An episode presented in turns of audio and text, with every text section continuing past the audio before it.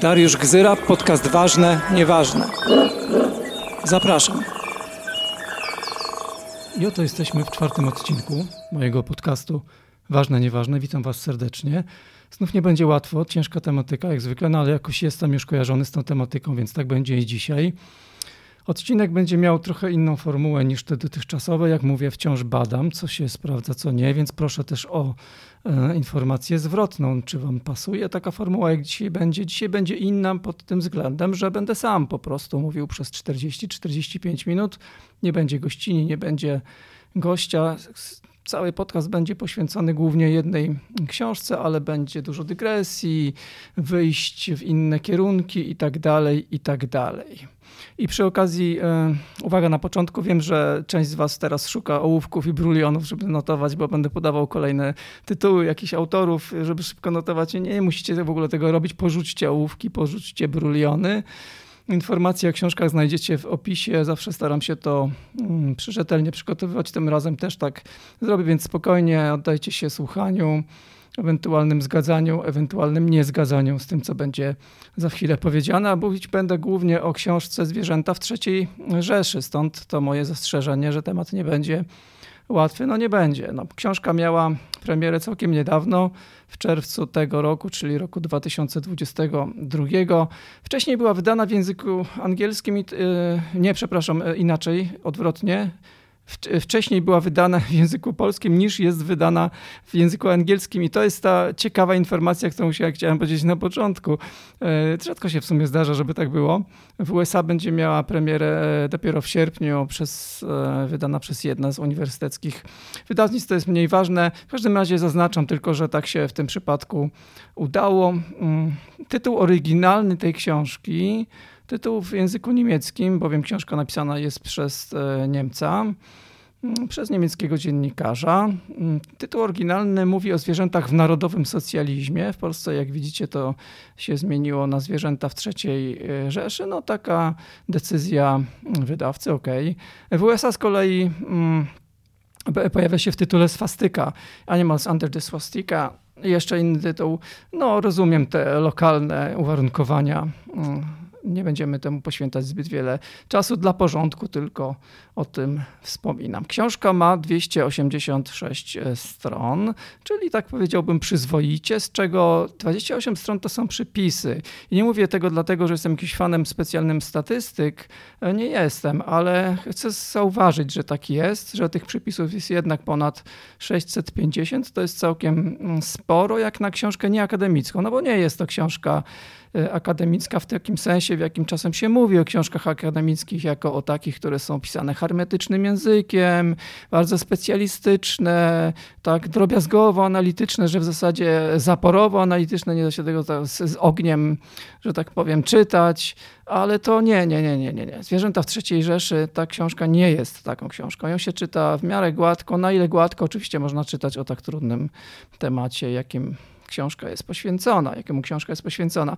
30 strony, ponad 30 stron bibliografii, więc to też chcę tylko powiedzieć, że jakiś research, okropne to słowo wiem w języku polskim, został tutaj wykonany. Mm, dziennikarz y, nazywa się Jan Monhaupt. Y, jest człowiekiem, który Wydał już wcześniej kilka książek, nie wiem dokładnie ile, ale na pewno to nie jest pierwsza książka, chyba czwarta jego książka to była. Jedną z tych wcześniej wydanych chciałbym tutaj e, przedstawić króciuteńko, tylko wskazać, że zajmował się nieco podobną tematyką już wcześniej. W 2017 wydał książkę The Zookeeper's War po angielsku. Mówię dlatego, że ona została wydana w 2019 roku, dwa lata później właśnie w tym świecie anglojęzycznym w Stanach.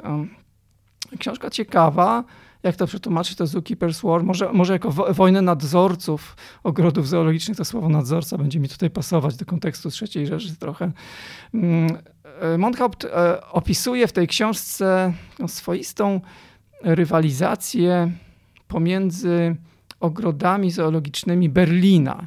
Berlina lat e, zimnej wojny Berlina oczywiście podzielonego na Berlin wschodni i zachodni. W obu częściach Berlina były ogrody zoologiczne, no i ta ich rywalizacja miała być, taka jest ta narracja w książce, częścią większej rywalizacji pomiędzy tak zwanym światem zachodu i tak zwanym światem będącym pod ciężkim butem Związku e, Radzieckiego. Miałby to być po prostu kolejny przejaw owej zimnej wojny. A proxy war, jak tam jest w opisie książki zaznaczone, taka wojna proxy rozgrywająca się e, akurat w kontekście zwierząt. Mm, no to tyle, żeby wskazać, że autor już e, zaglądał w tematykę zwierzęcą nieco wcześniej. I jedna podstawowa myśl, która tutaj będzie nam przyświecać w tym moim mówieniu przez najbliższe 40 minut, naprawdę ważna. Otóż mm, zwierzęta inne niż ludzie, niektórzy mówią więcej niż ludzie, niektórzy mówią pozaludzkie, one są zawsze uwikłane w wojnę,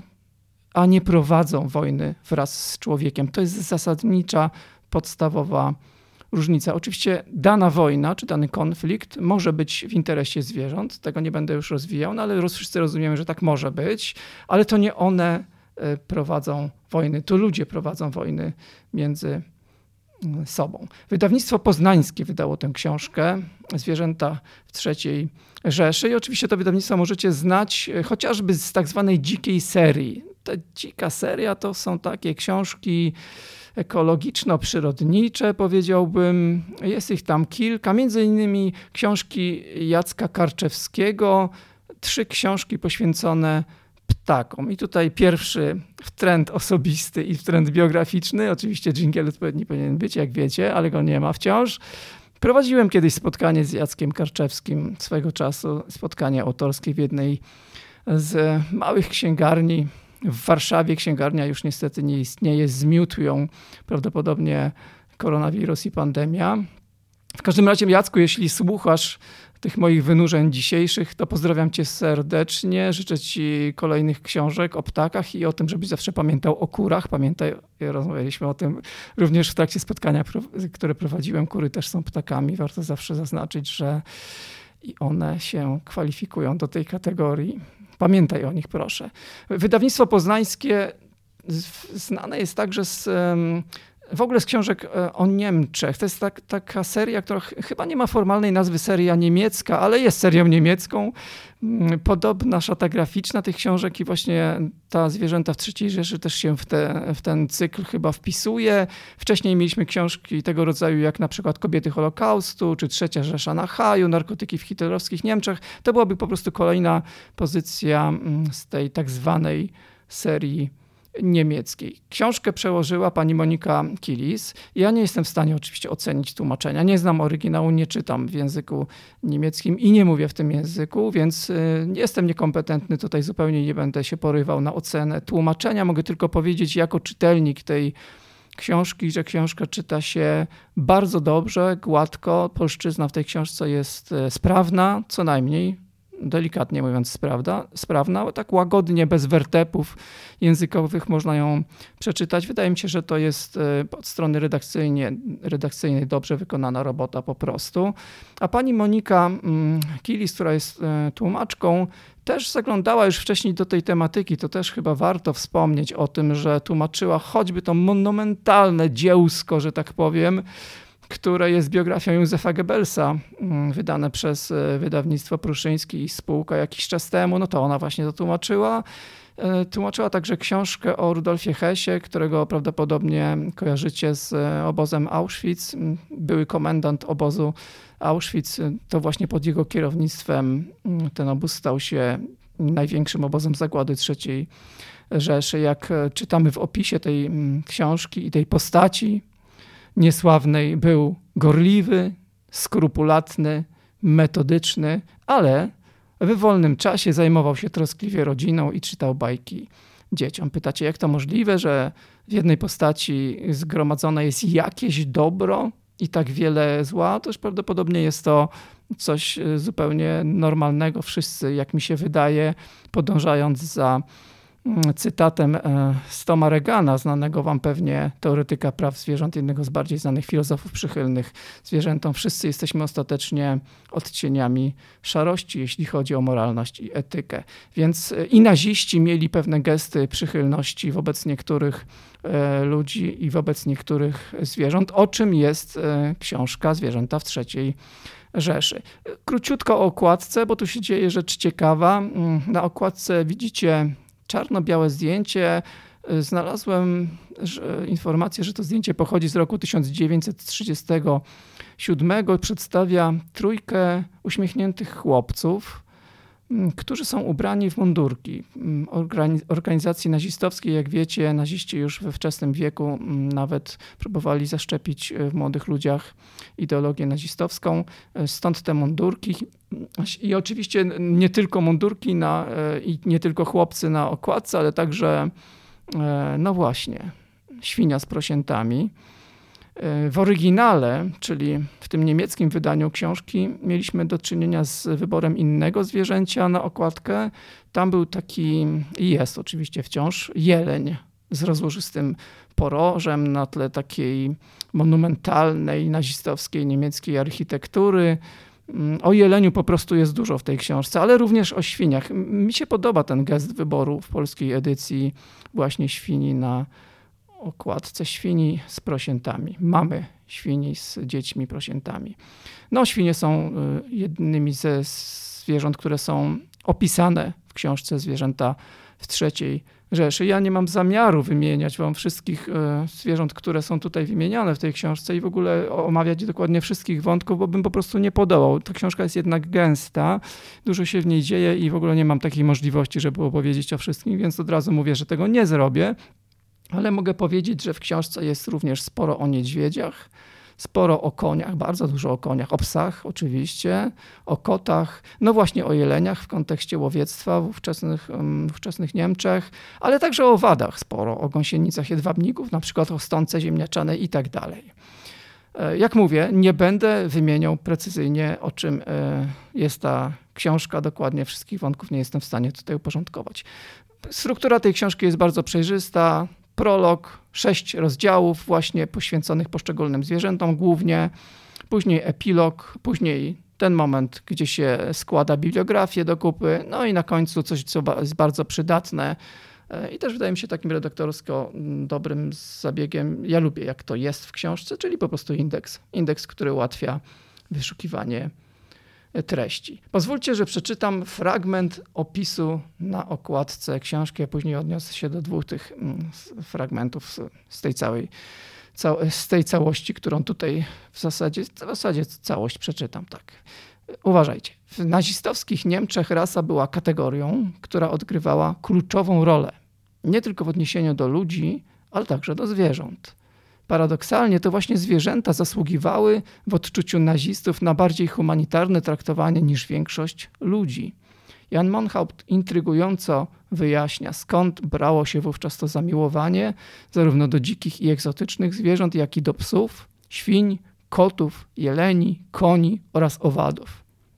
Jak się okazuje, ta specyficzna postawa była nie tylko wyrazem sympatii, lecz kolejnym, uwaga, tu zwracam uwagę na ten fragment, skrupulatnie przemyślanym mechanizmem w wojennej maszynie III Rzeszy, dopełniającym jej zbrodniczą ideologię. I tu następuje kilka, następuje kilka pytań.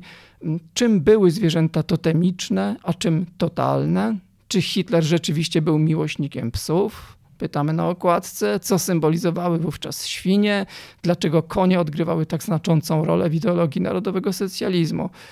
Od razu mówię, co do miłośnictwa psów, no nie ma większego znaczenia, czy ktoś jest miłośnikiem psów, czy też nie. To w ogóle nie o to pytanie chodzi i nie odpowiedź y, na to pytanie nie jest istotna. Ma znaczenie, czy ktoś rozumie psy, oczywiście, ma znaczenie, czy ktoś je szanuje, co się łączy z tym pierwszym, no ale przecież y, nie pytamy siebie nawzajem, czy jesteśmy, no nie wiem, miłośnikami kobiet, miłośnikami osób LGBT, czy no nie wiem, na przykład miłośnikami pracowników albo miłośnikami uchodźców. Nie pytamy o to, pytamy o to, czy ich rozumiemy jako grupy społeczne i jako jednostki, ich problemy, ich roszczenia, ich interesy, ich prawa i czy szanujemy ich naturę czy uwzględniamy ich w naszych projektach e, dobrego życia społeczno-politycznego, czy też nie. To się liczy, a nie to, czy ktoś jest miłośnikiem, czy nie. Ten język jest przeciwny, taki skrzywiony zupełnie. Ja nie używam tego języka i zachęcam was do tego, żebyście tego języka nie używali. To nie jest po prostu dobry opis tego, co się dzieje w naszych relacjach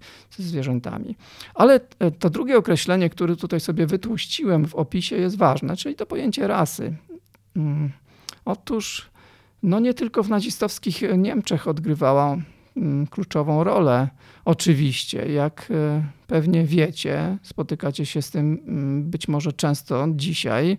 Współcześni hodowcy, właściwie to niektórzy mają wręcz obsesję na e, punkcie rasy właśnie i to widać w bardzo wielu różnych kontekstach. No, chociażby kontekst zwierząt tak zwanych gospodarskich. Niektóre rasy ceni się przecież bardziej niż inne ze względu na, na ich przydatność, na ich wydajność e, w zaspokajaniu mm, jakichś potrzeb, które narzucił, mm, jakichś wymagań, które narzucił im człowiek. Ale też w kontekście zwierząt domowych to urasowienie jest istotne przecież, tam wciąż to pojęcie rasy się pojawia. Ono się pojawia także w, w kontekście ogrodów zoologicznych, gdzie jest przecież ważnym kryterium ale także w ramach ochrony bioróżnorodności. Ostatecznie naprawdę ono nie zniknęło wraz z, z wojną przegraną przez Niemcy. Y, wciąż jest y, obecne w różnych dyskursach, różnych elementach naszego sposobu opisywania relacji ze zwierzętami, ale nie jest chyba jednostką taksonomiczną, to znaczy formalnie rzecz biorąc nie jest jednostką systematyki biologicznej organizmów żywych. Chyba nie, ale to jej nie przeszkadza być ważną jak i sprawczą w, w kontekście traktowania tych zwierząt. Ludzie naprawdę wciąż robili y, tak, jak robili to za czasów, mm, kiedy nazizm y, się panoszył mm, naprawdę wciąż wartościują zwierzęta wedle kryterium rasowego. Rasowy bardzo często skontrastowany jest z nierasowym lub w innym przypadku i tworząc nieco inną hierarchię, bo to automatycznie oczywiście tworzą się hierarchie mniej lub bardziej wartościowych, jest skontrastowany ze zwierzęciem innej rasy. I problem chyba nie, poleży, nie polega na zainteresowaniu rasą jako zjawiskiem, no bo jest takie zjawisko jak rasa, oczywiście, należy się mu przyglądać, opisywać je i interesować się nim, ale problem jest z wykorzystaniem go. Prawda?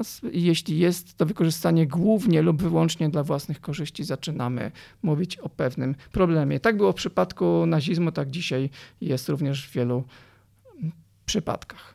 No i zaglądamy do prologu książki Zwierzęta w trzeciej e, Rzeszy. Już na początku napotykamy coś, co jest inspirujące, ciekawe i mm, no, wymaga pewnego tutaj namysłu i komentarza, przepraszam, najmocniej.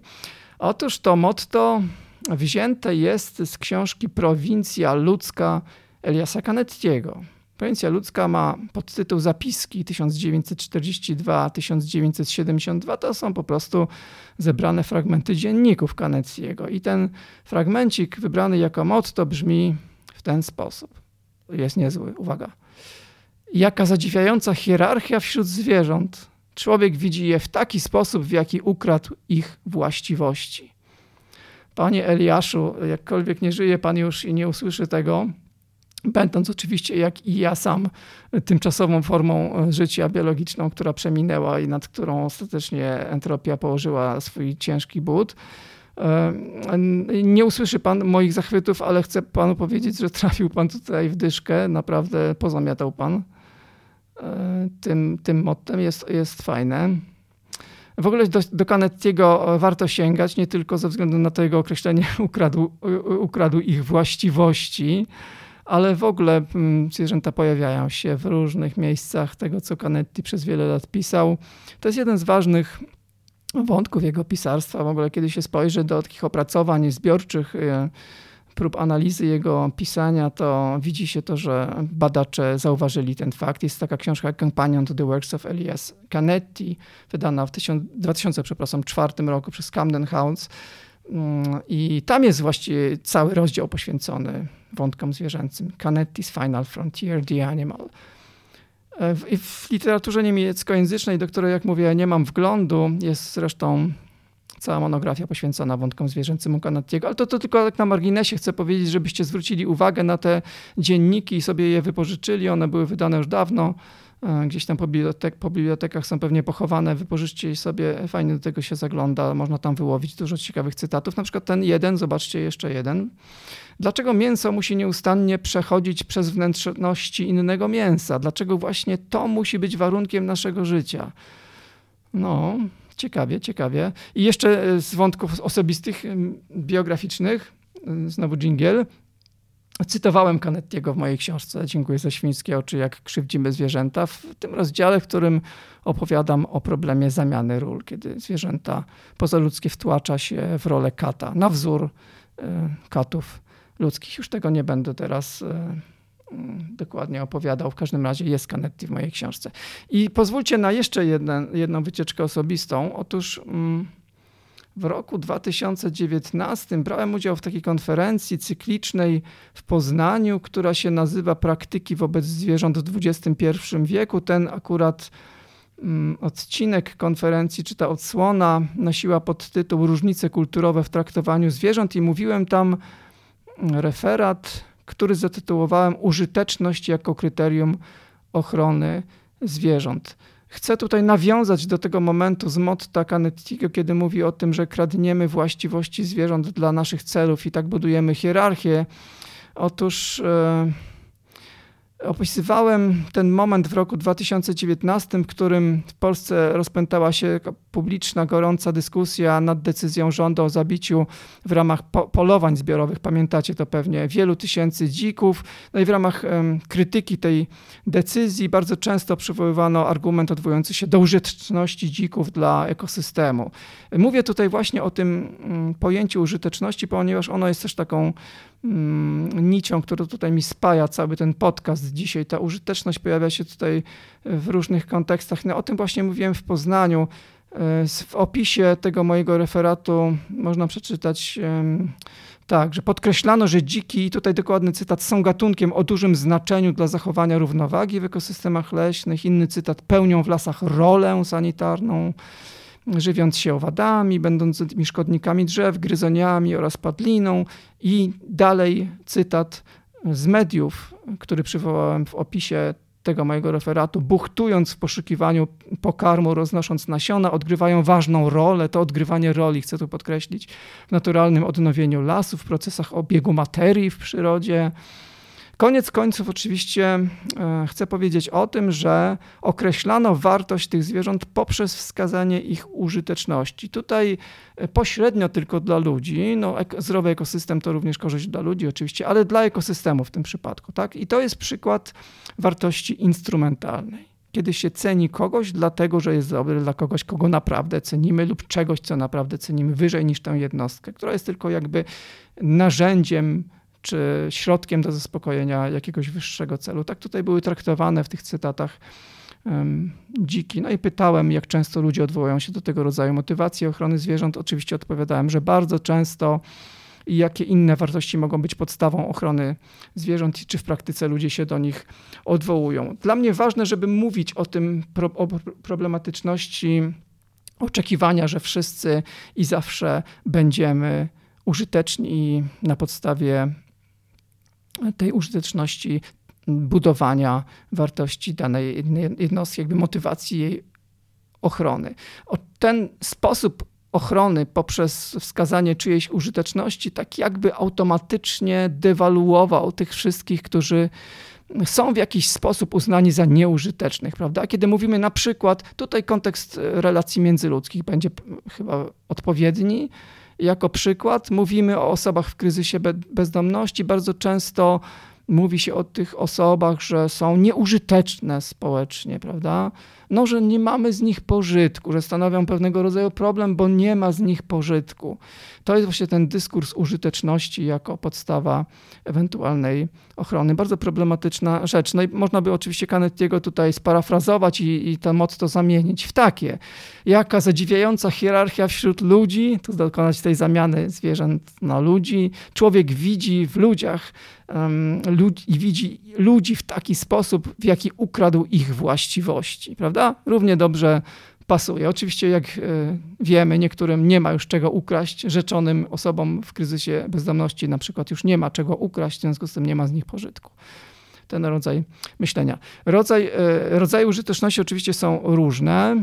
Sama użyteczność oczywiście skądinąd może być czymś pozytywnym. Ja na przykład bardzo chciałbym być społecznie e, użyteczny i to jest ok, ale znów problem jest z tym, w jaki sposób się tę użyteczność traktuje w procesie no, w porządku społecznym, mówiąc naj, najobszerniej.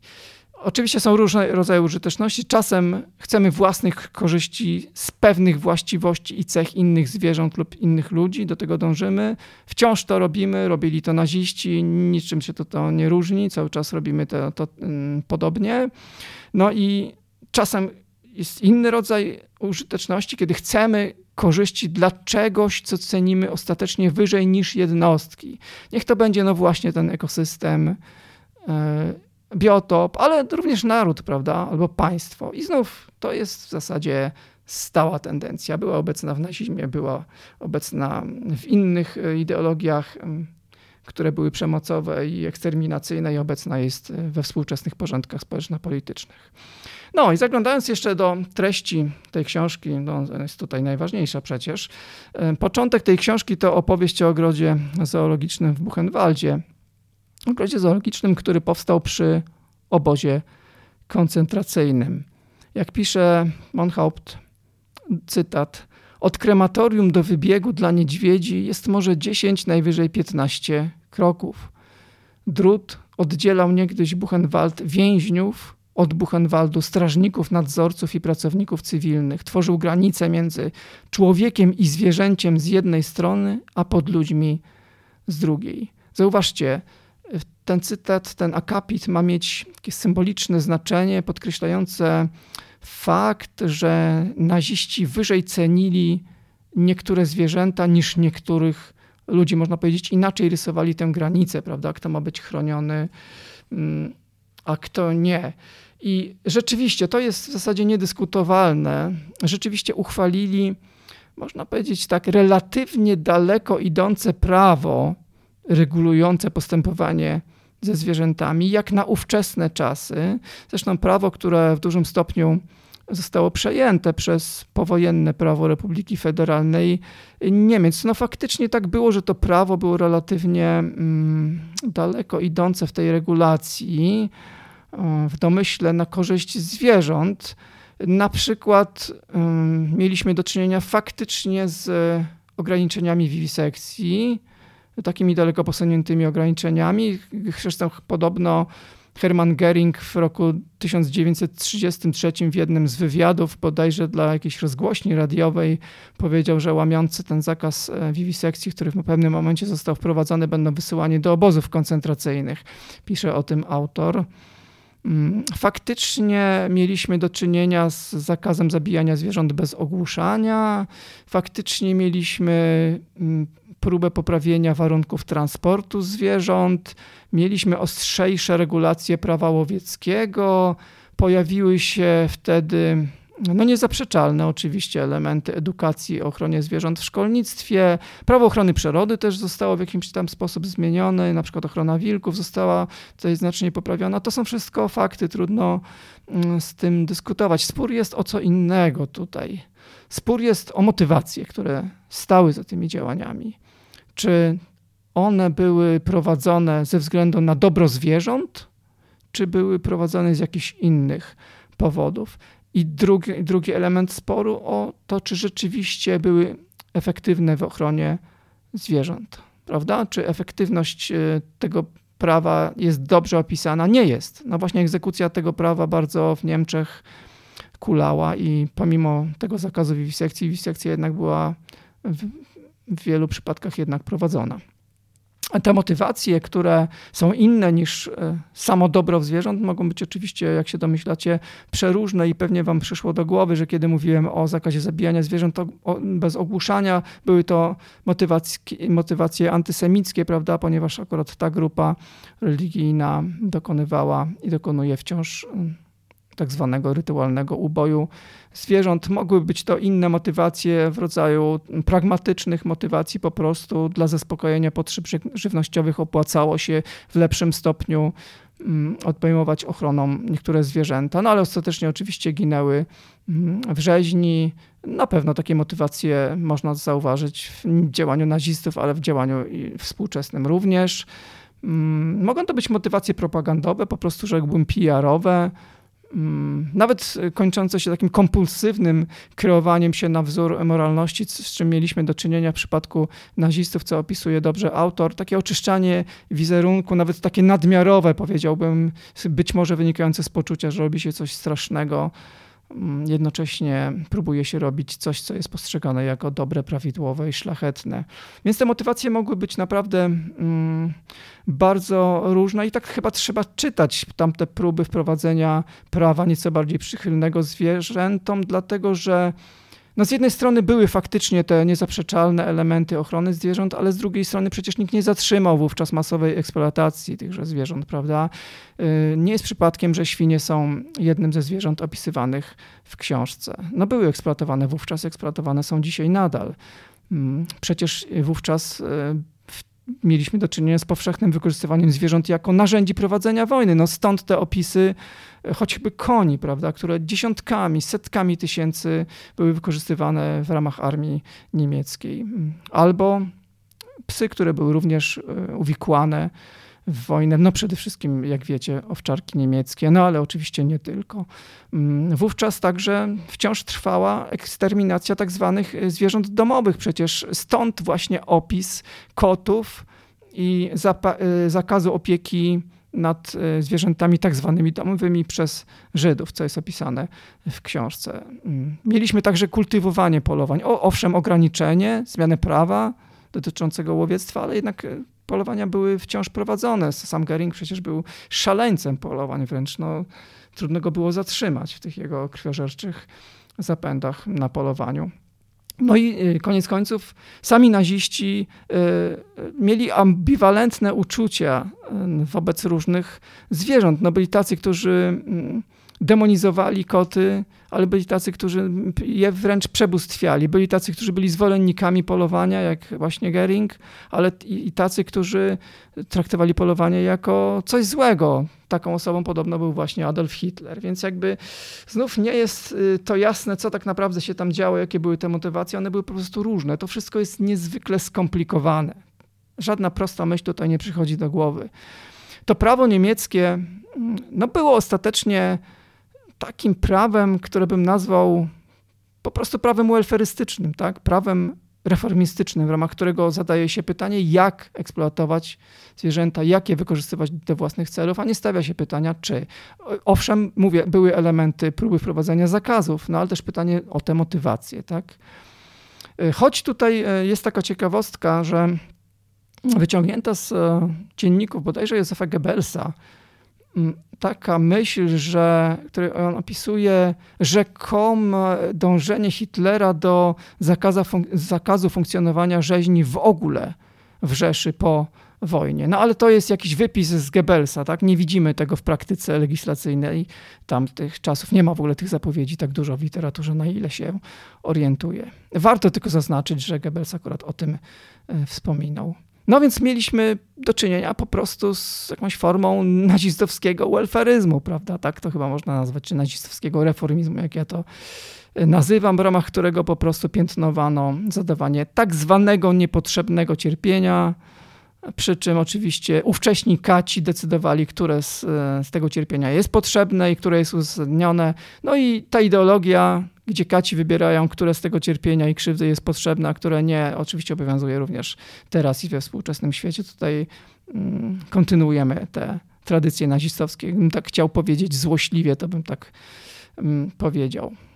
Pozwólcie jeszcze e, na jeden cytat z książki Zwierzęta w III Rzeszy, o której cały czas E, mówimy. Taki cytat, który pomoże zrozumieć, mm, jak w ogóle było możliwe to włączenie zwierząt pozaludzkich w, w projekt społeczny, który miał charakter nazistowski. Jak takie połączenie było możliwe? I ten cytat brzmi tak. ideologia wyznaczająca wartość życia na podstawie kryterium korzyści, których to życie dostarcza własnej społeczności, nie czyni różnicy pomiędzy człowiekiem a zwierzęciem, lecz pomiędzy życiem pożytecznym a istnieniem niegodnym życia. Rozumiecie to? To jest właśnie klucz do odczytania być może tej przedziwnej, jakkolwiek ograniczonej, ale jednak ochrony zwierząt w ramach tamtego systemu społeczno-politycznego. Być może to jest jeden z kluczy do zrozumienia tamtej postawy. Oczywiście mm, ochrona zwierząt w ogóle przecież zawsze jest częścią czegoś większego, prawda? Jakiegoś większego projektu społecznego. No zawsze jest, mówiąc innym językiem, e, tylko jakąś częścią biopolityki, prawda? Ktoś może powiedzieć biopolityki, ktoś inny powie tanatopolityki albo nekropolityki. W każdym razie zawsze jest częścią czegoś większego, jakiegoś większego porządku społeczno-politycznego. No i oczywiście ktoś e, może zapytać, i faktycznie wiele osób pyta, jak jest na przykład możliwe, jak to w ogóle jest możliwe, że ochronę zwierząt próbuje się łączyć z kapitalizmem, ktoś powie. No, skoro pytamy, jak to jest możliwe, że łączy się z, nie, z, nazizmem, no to jak to jest możliwe, że łączy się z kapitalizmem? Ale inni oczywiście zapytają natychmiast, jak to jest możliwe, że ochronę zwierząt próbuje się łączyć z socjalizmem? No, zadajemy takie pytania, ponieważ uważamy jakieś tam formuły porządków społecznych za niewłaściwe czy wręcz naganne, no i nie chcemy kojarzyć ochrony zwierząt z nimi.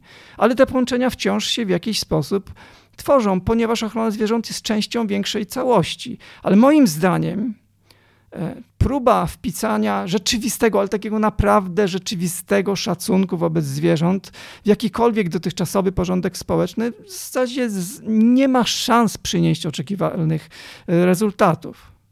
Gdybyśmy chcieli tak naprawdę, naprawdę, naprawdę uwzględnić interesy zwierząt pozaludzkich, uwzględnić ich potrzeby, uwzględnić ich preferencje, roszczenia, prawa, prawa innych czujących istot, to musielibyśmy po prostu fundamentalnie przebudować rzeczywistość społeczno-polityczną, przebudować społeczeństwo. Nie wystarczy tylko przyssanie tej idei do istniejących już jakichś formuł, prawda, porządków społecznych.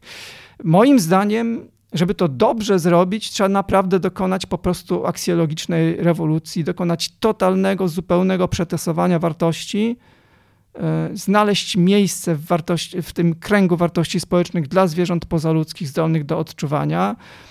I byłaby to ostatecznie zmiana ustrojowa. Pewnie mnie kojarzycie z tym określeniem zmiana ustrojowa w kontekście zwierząt i bardzo bym chciał, żebyście mnie z tego określenia zapamiętali. Tak myślę, że konieczna jest po prostu zmiana ustrojowa, głęboka zmiana naszego porządku społeczno-politycznego. Nawet nazwałem taki porządek przyszłego czasu, ewentualny po, po, porządek przyszłości, lepszej przyszłości dla zwierząt pozaludzkich. Chciałbym, żeby nazywało się to sentiokracją, już właśnie nie demokracją, ponieważ to demos odnosi do ludu, do ludzi, a ja bym chciał, żeby się odnosiło do tych wszystkich, którzy są zdolni do odczuwania, niezależnie od, do, od gatunku biologicznego, więc byłoby to sentio. To sentio, tak jak sentience angielskim, e, odnosi się oczywiście do zdolności do odczuwania jako podstawowego kryterium mm, etycznego. Więc problemem w ogóle, podstawowym problemem, z którym się cały czas borykamy, jest właśnie to oddzielanie sfery relacji międzyludzkich i, i, i międzygatunkowych. I sprawiedliwy, porządek społeczny, czy inaczej mówiąc innym językiem, pełen troski porządek społeczny po prostu musi, musi dotyczyć wszystkich relacji pomiędzy istotami zdolnymi do odczuwania, których to, które to istoty nazywam e, swoją drogą sentientami. Ale oczywiście, jak wiemy, i to pewnie jest też i wasze doświadczenie, ale i moje w zasadzie doświadczenie całego życia, że ludzie zwykle są po prostu wybiórczo troskliwi albo po prostu wybiórczo przemocowi. I tacy byli naziści i tacy jesteśmy e, my wciąż. No, wracając do treści, pozwólcie, że jeszcze jeden cytat. Widzicie, te cytaty są takie, że one się rozwijają tutaj w cały tok myślenia. No, taka jest ta książka. E, pod tym względem jest naprawdę super. E, pozwólcie, jeszcze jeden cytat. Niebezpieczna ideologia może być zakotwiczona nawet w mało podejrzanych ideologicznie dziedzinach życia i tym samym wpływać na kształtowanie społeczeństwa, pisze autor książki Zwierzęta w trzeciej Rzeszy. No i owe mało podejrzane ideologicznie dziedziny życia, no to są niestety, tutaj mam pretensje do autora, e, to są teksty związane mm, rzekomo ze zwierzętami. no te, które ustanawiają na przykład status społeczny świni, czy status spo, społeczny kotów i tak dalej. One mają być tymi mniej podejrzanymi ideologicznie dziedzinami życia. Moja odpowiedź na to jest taka, że to jest jeden z większych problemów współczesności i naszych relacji ze zwierzętami, to odideologizowanie relacji z nimi. To, że właśnie nie traktuje się ich jako ideologicznych. To jest jeden z ogromnych problemów. Zawsze namawiam do tego, żebyśmy traktowali porządek społeczny, który chcemy dzisiaj naszkicować, a który uwzględnia pozostałe zwierzęta zdolne do odczuwania jako projekt stricte ideologiczny. Takim jest, niezależnie od tego, jakie fikołki będziemy nad tym robić, to on takim po prostu jest i to odideologizowanie moim zdaniem jest ogromnym E, problemem. dlatego autor w ramach tego odideologizowania mówił o tym, że to wszystko, co jest związane ze zwierzętami, to jest takie mało podejrzane ideologicznie. Otóż ja bym chciał, żeby ono było podejrzane ideologicznie, mówiąc tutaj, mm, idąc za tym cytatem.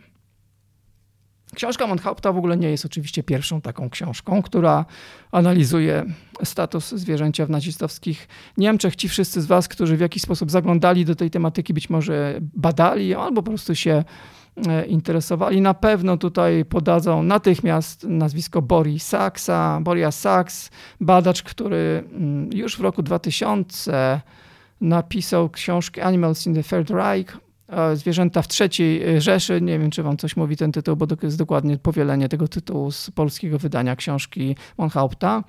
No więc te zwierzęta w trzeciej Rzeszy to już był rok 2000, więc jak od dłuższego czasu badacze, jak widzimy, zajmują się tą tematyką, ale na polskim rynku takich pozycji oczywiście jest e, niewiele. Ubolewam nad tym, ale wskazuje jednocześnie, że była taka książka, e, którą moim zdaniem też warto przeczytać. Naprawdę warto, chociaż książka została wydana już dawno temu, w roku 2003 przez wydawnictwo Vegapol.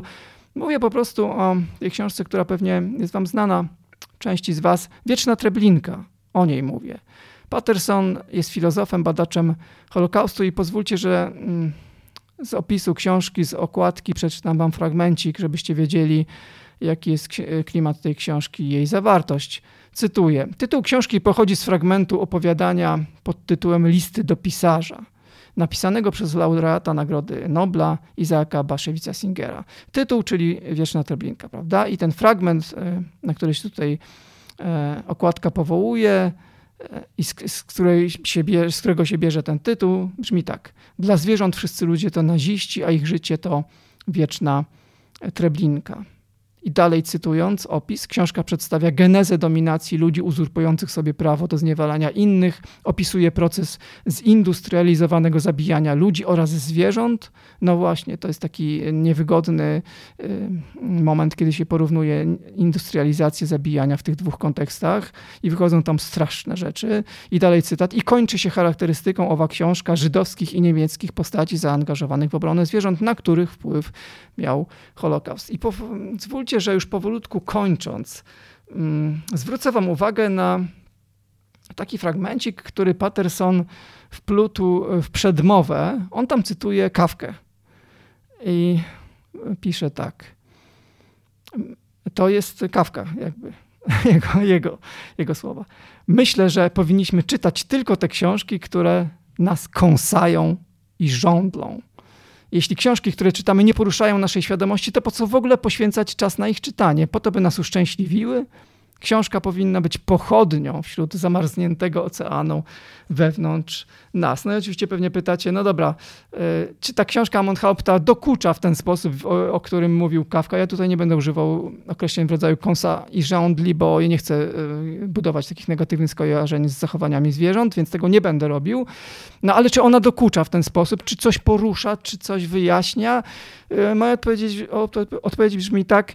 Hmm, bez przesady to nie jest dzieło y, wiekopomne i przełomowe. Ja bym tego nie oczekiwał od tej książki, ale to jest naprawdę kawał dobrej e, literatury, bardzo wartościowa rzecz, szczególnie na polskim rynku, gdzie takich książek wydaje się niewiele. Naprawdę nieźle wydana, nieźle napisana książka, którą zdecydowanie, zdecydowanie warto mm, przeczytać, bo wiecie, y, w ogóle jest tak, że wiele osób wydaje się sądzić, że to nazistowskie zainteresowanie zwierzętami, o którym jest książka Manhaupta, ta tak zwana ochrona zwierząt, tutaj cudzysłów stawiam jednak przy tym, no powinno być jakoś kłopotliwe dla współczesnego ruchu pozwierzęcego, no bo no, skoro naziści się tym zajmowali, no to pewnie jest to niesłuszne, jest jakieś kompromitujące. No jeśli ktoś czuje faktycznie takie zakłopotanie jakimś cudem, jeśli kogoś drażni ten zarzut, uważa go za głupi, y, no drażniący ogólnie, na których trzeba jakoś odpowiedzieć, no to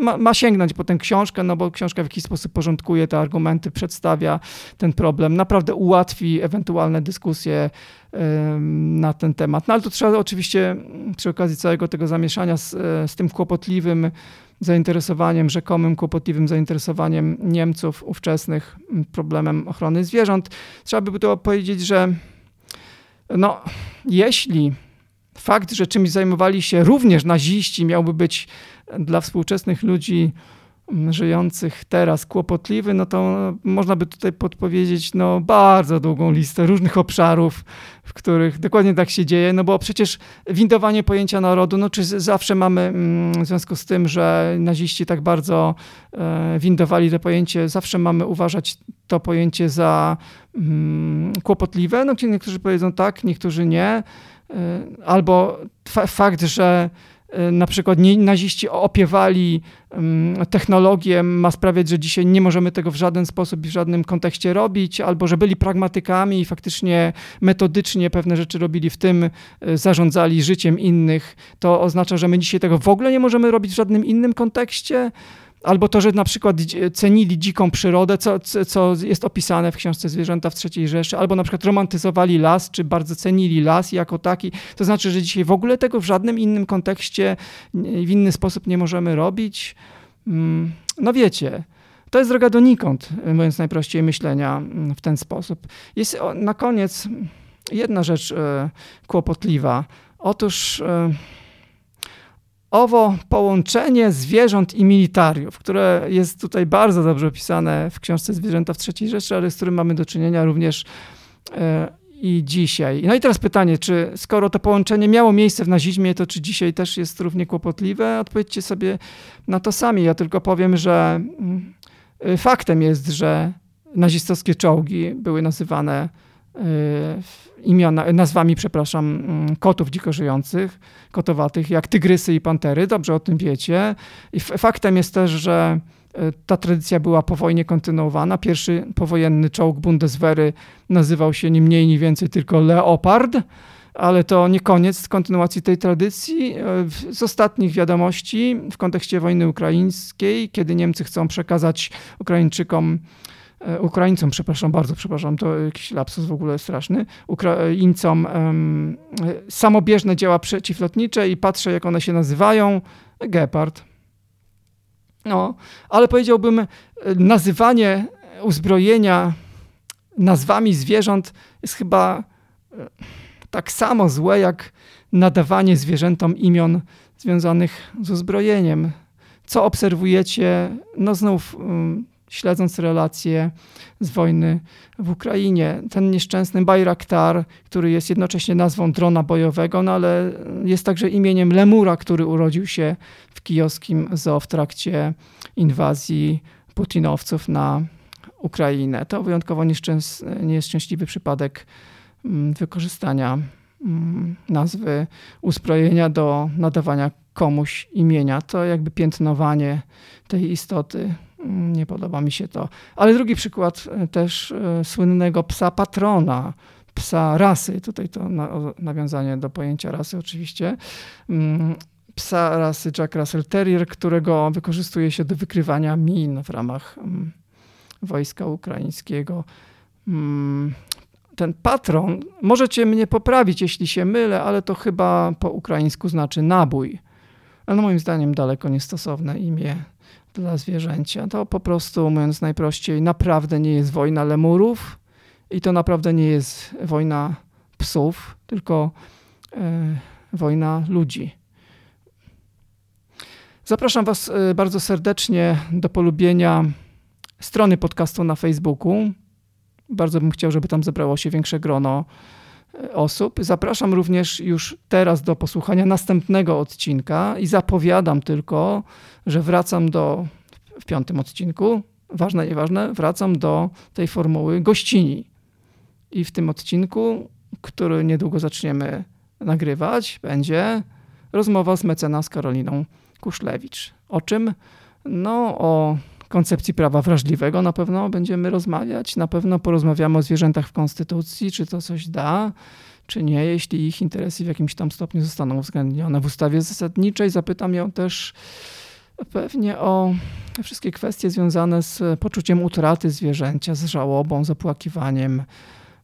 To, o czym pisałem również w ostatnich felietonach, między innymi dialektyki politycznej, to opłakiwanie, które jest znów aktem politycznym.